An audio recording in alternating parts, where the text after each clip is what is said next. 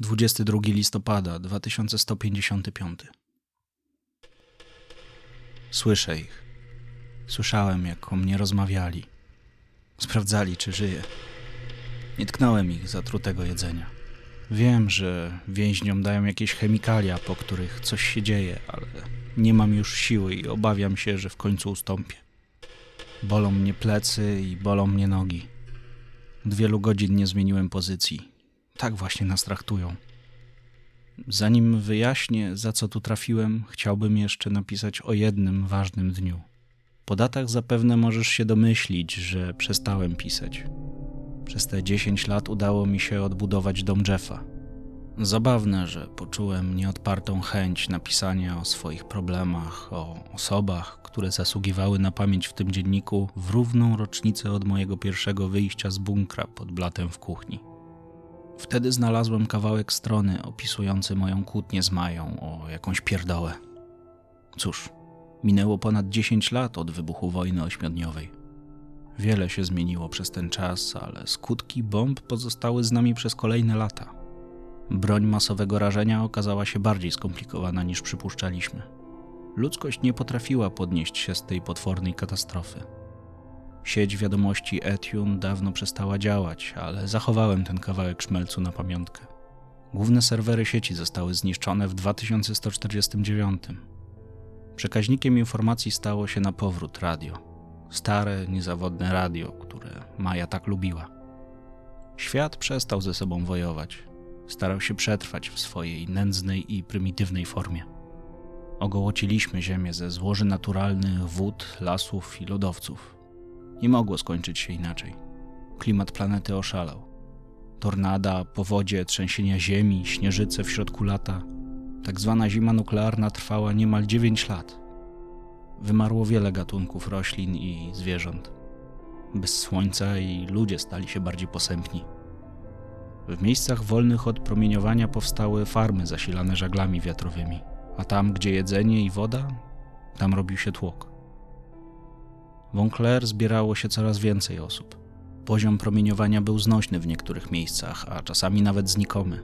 Wspaniałomyślne armie światowe wykorzystywały bomby, których skutki rozkładały się dużo szybciej, ale tylko kilka regionów w kraju mogło się pochwalić takim szczęściem. Wychodzi na to, że tym idiotom powinniśmy być wdzięczni. W każdym razie ludzie mogli znów osiedlać się na terenach dalekich od kraterów. Ogromne leje nadal były śmiercionośne. W takich dołach kończyli wyrokowcy, którzy buntowali się prawu w zakładanych małych społecznościach. Czasami ktoś kogoś przetrącił w akcie zazdrości o jakiejś rzeczy. Czasami gościnność tubylczego społeczeństwa była nadszarpywana przez przybyłych cwaniaczków z bronią. Miałem wrażenie, że dziczyliśmy. Nadal byliśmy okrutni mimo tylu krzywd i mimo malejącej ilości społeczeństwa tworzyły się niepożądane gangi. Zagubieni kretyni, którzy postanowili siłą wziąć sobie wszystko, czego zapragną. Na szczęście wojny obywatelskie dawno się skończyły, ale weterani bitew wciąż bronili porządnych ludzi. Na terenie dawnych Stanów przewodniczył jakiś ponury typ, który osiedlał podziemne korytarze wydrążone w czasach wykopalisk Fundacji Pionierów. Nie pamiętam, jak miał na imię. Prowadzili szeroko pojętą pomoc, ale dla mnie to wyglądało jak sekta.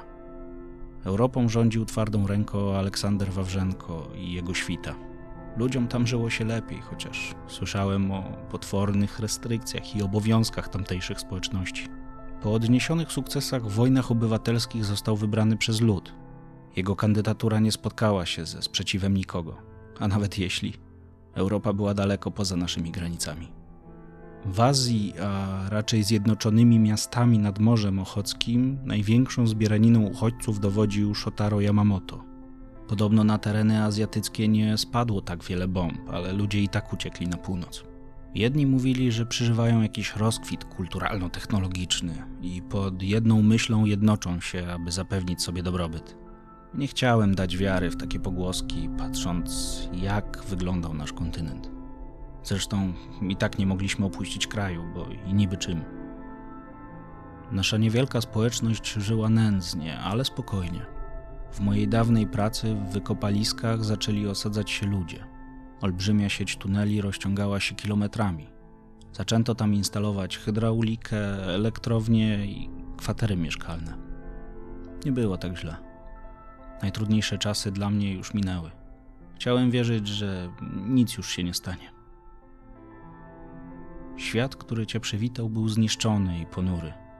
Wstyd mi za to, co się stało, i zawsze żałowałem, że nie mogłaś biegać z innymi na podwórku, że twoje dzieciństwo nie było tak proste i beztroskie jak moje.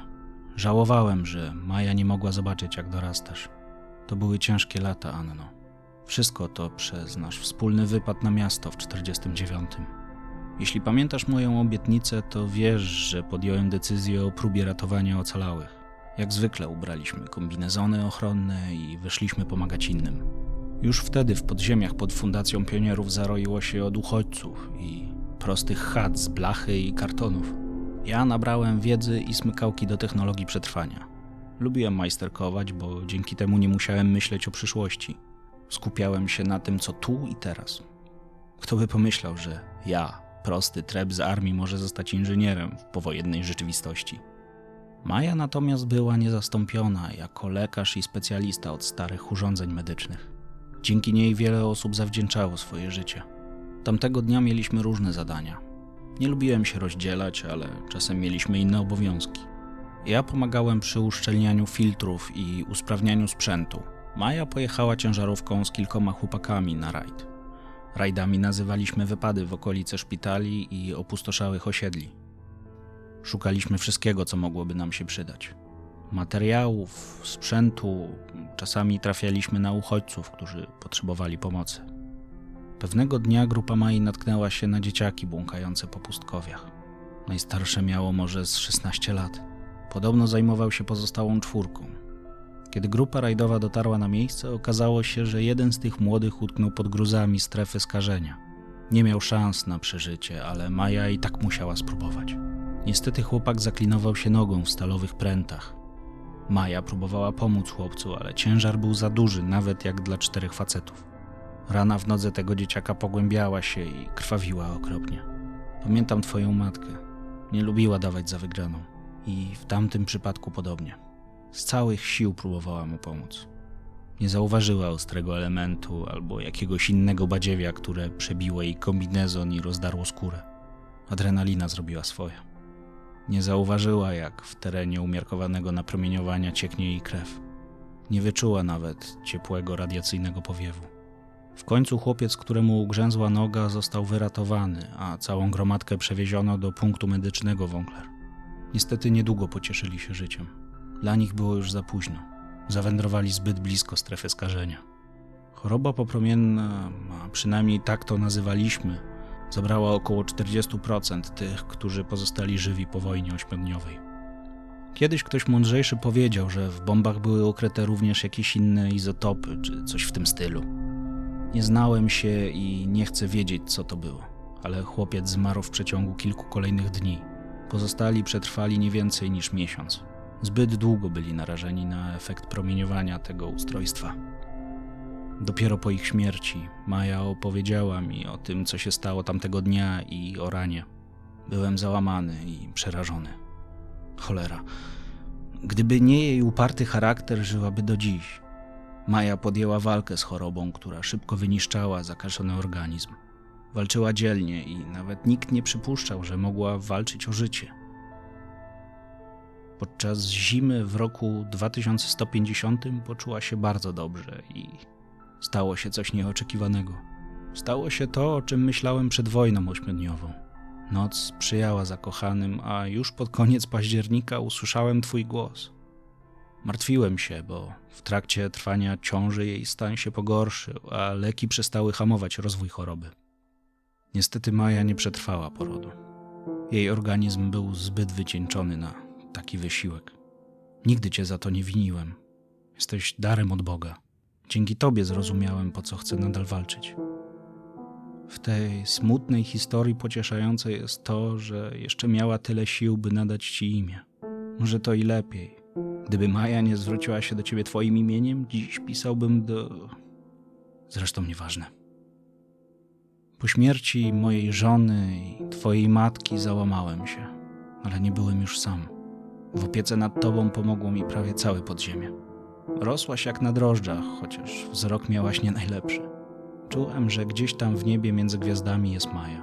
Spoglądała na ciebie i chroniła przed każdym niebezpieczeństwem.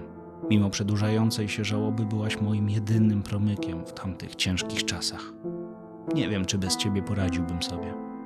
Byłaś i jesteś sensem mojego istnienia. Moją małą Anną. Gdy to wszystko się skończy, chciałbym cię jeszcze zobaczyć, ale boję się, że zostało mi niewiele czasu. Nie wiem, ile jeszcze strażnicy będą mnie trzymać w tej celi, chociaż czuję, że jestem już blisko.